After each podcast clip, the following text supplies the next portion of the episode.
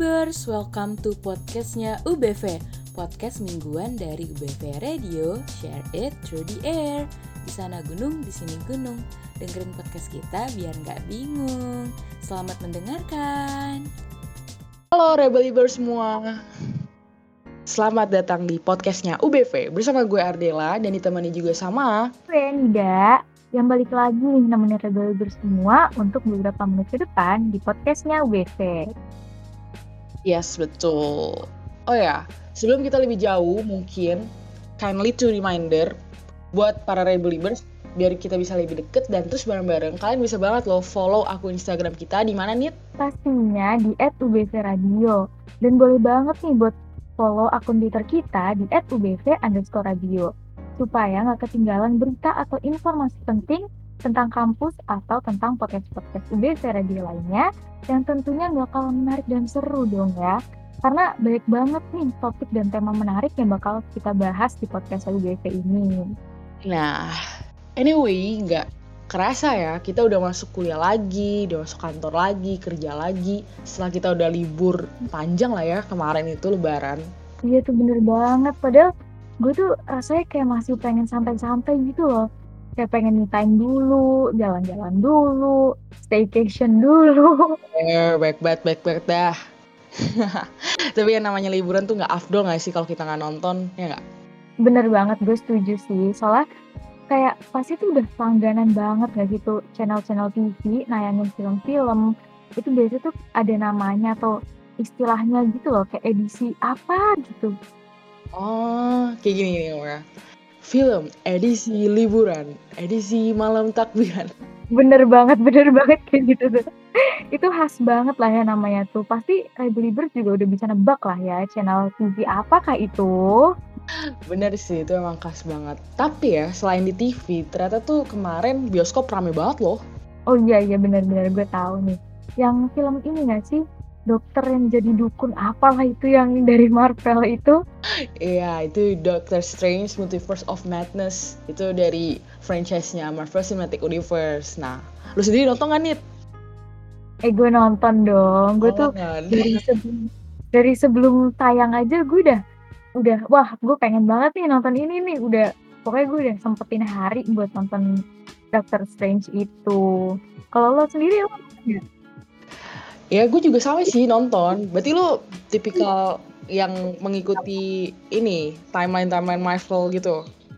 Benar, benar. Gue dari dulu ngikutin banget soalnya emang gue sesuka itu ya sama Marvel. Jadi ya kalau ada yang baru kayak udah wajib banget ditonton gitu. Iya, gue kurang lebih juga sama sih. Cuman emang pas baru pertama kali muncul tuh rame banget cuy.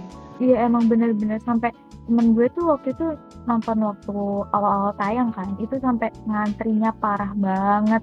Terus ada juga temen gue yang nggak kedapetan uh, tiketnya gitu gue kayak wah udah ngantri panjang-panjang terus dia nggak dapet gitu gue yang ikut sedih sih. Iya makanya waktu itu gue juga nonton Doctor Strange itu nggak pas hari pertama kali muncul kayak seminggu setelah lebaran lah baru akhirnya nyempetin buat nonton. Itu pun juga karena gue dibayarin sih jadi kayak ayo nonton. Oh gitu ya dibayarin sama ayang beb atau gimana tuh? Nggak dong sama sama keluarga sama keluarga. Tenang guys. Oke okay, oke. Okay. Oke, coba dong Del, kita nih bahas-bahas dikit nih dari film Doctor Strange Multiverse of Madness ini. Siapa tahu ada Rebelibers yang belum berkesempatan buat nonton atau belum tertarik nih sama film ini dan setelah kita spill dikit-dikit nih mereka jadi ada keinginan buat nonton gitu loh. Ya, sebenarnya singkatnya itu kayak ya bagian dari perjalanan si Marvel Cinematic Universe ini lah ya. Jadi emang sambung menyambung dan memang mereka tuh udah mau mengangkat tema multiverse gitu. Multiverse tuh jadi istilahnya kayak uh, ada diri lu di dunia yang lain gitu di universe yang lain. Nah, di sini dikisahkan ada satu orang namanya American Chavez ya kalau nggak salah. Dia itu bisa ngebuka portal ke universe-universe lain. Tapi sayangnya dia belum bisa menguasai kemampuannya gitu kan. Nah, kemampuan dia ini kan istimewa banget dan ternyata diincar-incar sama satu iblis gitu dari universe-nya dia sebelumnya. Akhirnya dia jatuh ke universe yang sekarang tuh universe yang MCU sekarang ini yang kalian lihat ada Iron Man, ada Captain America segala macem itu ternyata iblisnya utusan dari Scarlet Witch aka Wanda Maximoff karena dia masih belum bisa move on, masih sedih, nggak ketemu anak-anaknya segala macem yang kalau kalian juga nonton seriesnya di One Division mereka apa ngebuat suatu sitcom keluarga gitu di mana itu adalah realitasnya si Wanda Maximoff ini. Jadi cuman kayak dia sakit hati ya kan? Dia bisa move on terus habis itu dia bikin suatu realitas sendiri buat dirinya sendiri gitu loh sampai akhirnya ketika udah harusnya dia berakhiri realitas itu dia masih belum bisa nerima itu dan dia tahu di kehidupan lain dia bahagia. Gitu makanya dia ngejar-ngejar si Amerika Chavez ini untuk dapetin kekuatannya biar dia bisa sana. Tuh memang. Oh jadi inti dari ceritanya itu inti dari permasalahannya itu dari si Wandanya ini sendiri ya yang uh, belum ya buat menerima kehidupannya dia sendiri tanpa anak-anaknya gitu ya Mm-hmm. Ya emang gitu sih namanya kehidupan ya teman-teman ya. Jadi dia tuh nggak bisa memasak, memaksakan sesuatu yang emang bukan milik kita gitu. Karena Tuhan itu emang udah punya rencananya sendiri. Pastinya paling baik buat kita kan ya. Jadi kita cukup untuk berdoa aja, berdoa semoga Tuhan ngasih yang terbaik buat kita. Walaupun emang belum tentu apa yang kita pengenin itu terbaik buat kita gitu. Oke oke. Selain film yang dari luar nih, dari Marvel, Doctor, Doctor Strange ini, ada juga loh film dari Indonesia yang pastinya nggak kalah menggemparkan sampai viral, trending di mana-mana. Ah, itu tuh ya anak KKN apa tuh namanya? Iya bener tuh KKN Desa Penari. Nah, itu gue sempet baca loh tweet Twitter apa tweetnya di Twitter, terus sama dia kan udah dari kapan tahu ya mundur-mundur terus sampai akhirnya kemarin tayang juga tuh di bioskop. Iya iya benar-benar. Itu kisahnya emang udah sempat ini ya sempat viral sekitar dua tahun lalu ya. Terus itu kan pas awal-awal masa pandemi ya. Jadi ya udah mau dibikin filmnya tapi karena pandemi mau nggak mau filmnya harus ditunda dan tayangnya tuh baru banget nih baru sekarang akhirnya ya setelah dua tahun lamanya film KKN Desa Penari ini udah bisa ditonton di semua bioskop kesayangan kita nih. Kalau lo sendiri udah nonton belum Del ini film yang KKN ini? Aduh, tante gue sih ngebet banget ya dari pas sebaran ini udah minta-minta. Tapi kalau gue sendiri sih belum. Soalnya kan gue udah war tiket buat Doctor Strange. Gini nih orang-orang yang kurang mendukung film lokal kan banyak tahu sekarang tuh film-film bagus-bagus jangan dicontoh ya Rebelievers ya. Itu tahu ya, nggak begitu. Gue juga nonton kok film-film lokal yang lain. Tapi anyway, kayaknya lu excited banget nih sama KKN Desa Penari. Coba dong ceritain ke kita juga gimana sih itu ceritanya? Oke oke, cerita yang sempat rame ya di Twitter. Jadi tuh ada yang nyeritain pengalaman kakeknya dia di desa bernama Desa Penari sama keenam timnya. Terus dari awal tuh emang udah ada kejadian aneh dan mistis gitu loh. Kayak mereka tuh tiba-tiba dengar suara gamelan, padahal itu desanya terpencil gitu masuk ke dalam hutan. Atau ada penampakan cewek nari-nari gitu loh, terus tiba-tiba hilang.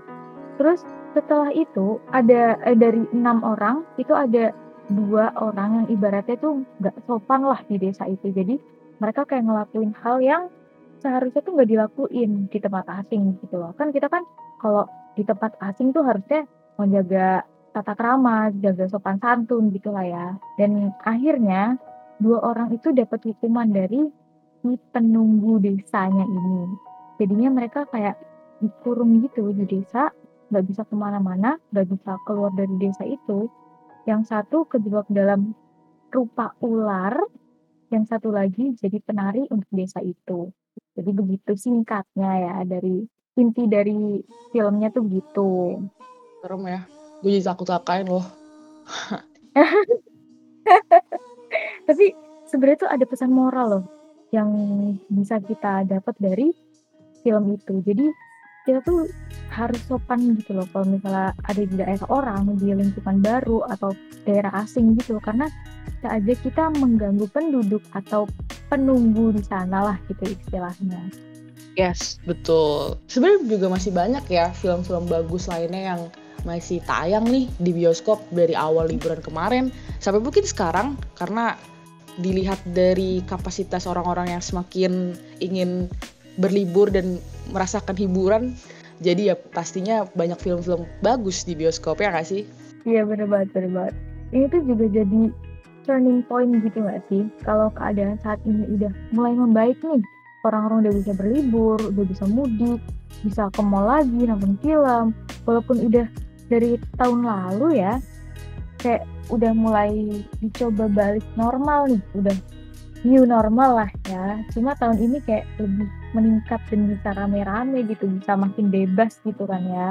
Yes, betul. Jadinya bioskop rame lagi, para produser film juga udah nggak worry kalau mau bikin film, dan kita kembali miskin karena kita banyak jajan. Tapi, bener sih, bener banget. tapi kita happy dong karena semuanya tuh ada hikmahnya. Kayak dua film tadi yang kita bahas sekarang ini. Coba apa tuh hikmahnya tuh? Pinter ya Anda buru-buru mancing.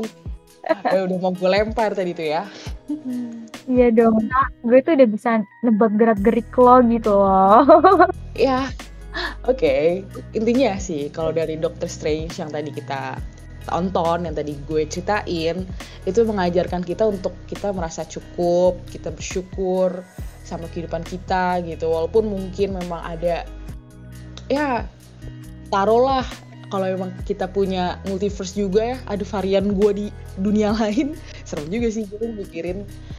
Ya, kita tetap happy aja sama apa yang ada udah ada ditakdirkan untuk kita tuh jalannya seperti apa karena semuanya kan pasti sudah di eh, ini ya sudah diukur gitu sama ke- kelebihan kita sama kapasitas kita untuk melalui pencobaan masalah tersebut asik kalau dari kakak desa penari ya kayak tadi lo bilang gitu kita harus bisa ngejaga sopan santun harus bisa punya tata krama yang baik apalagi di tempat baru gitu ya kita kan nggak tahu ya kayak gimana mungkin mereka punya tradisinya mereka sendiri budaya mereka sendiri yang kita harus hormati begitu teman-teman Iya tuh bener banget itu kata Ardela.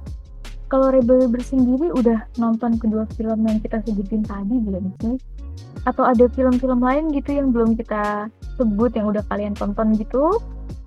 Atau kalian maraton web series? Karena sekarang udah kebanyakan gitu orang-orang. Udah banyak platform digital buat nonton film yang nggak kalah keren. Mau itu bioskop online ataupun web series.